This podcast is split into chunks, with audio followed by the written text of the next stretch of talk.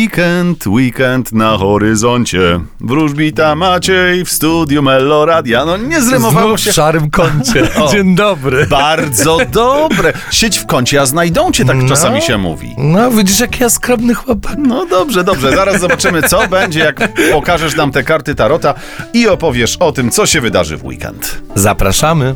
Horoskop wróżbity Macieja w Meloradio.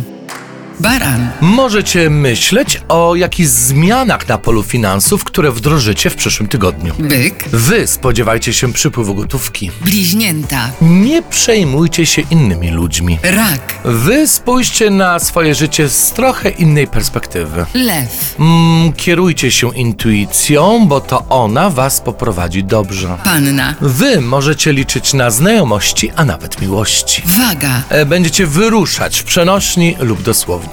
skorpion, Wy postawicie na uczucia i miłość. strzelec, Nawet w weekend będziecie myśleć o pracy lub ją wykonywać. koziorożec, Mm, Będziecie izolować się od otoczenia, inwestując w siebie. wodnik, Będziecie myśleć o jakichś sprawach formalnych lub e, nieco poważniejszych, które będziecie realizować na dniach. ryby. A wy sami nie będziecie wiedzieć, czego chcecie.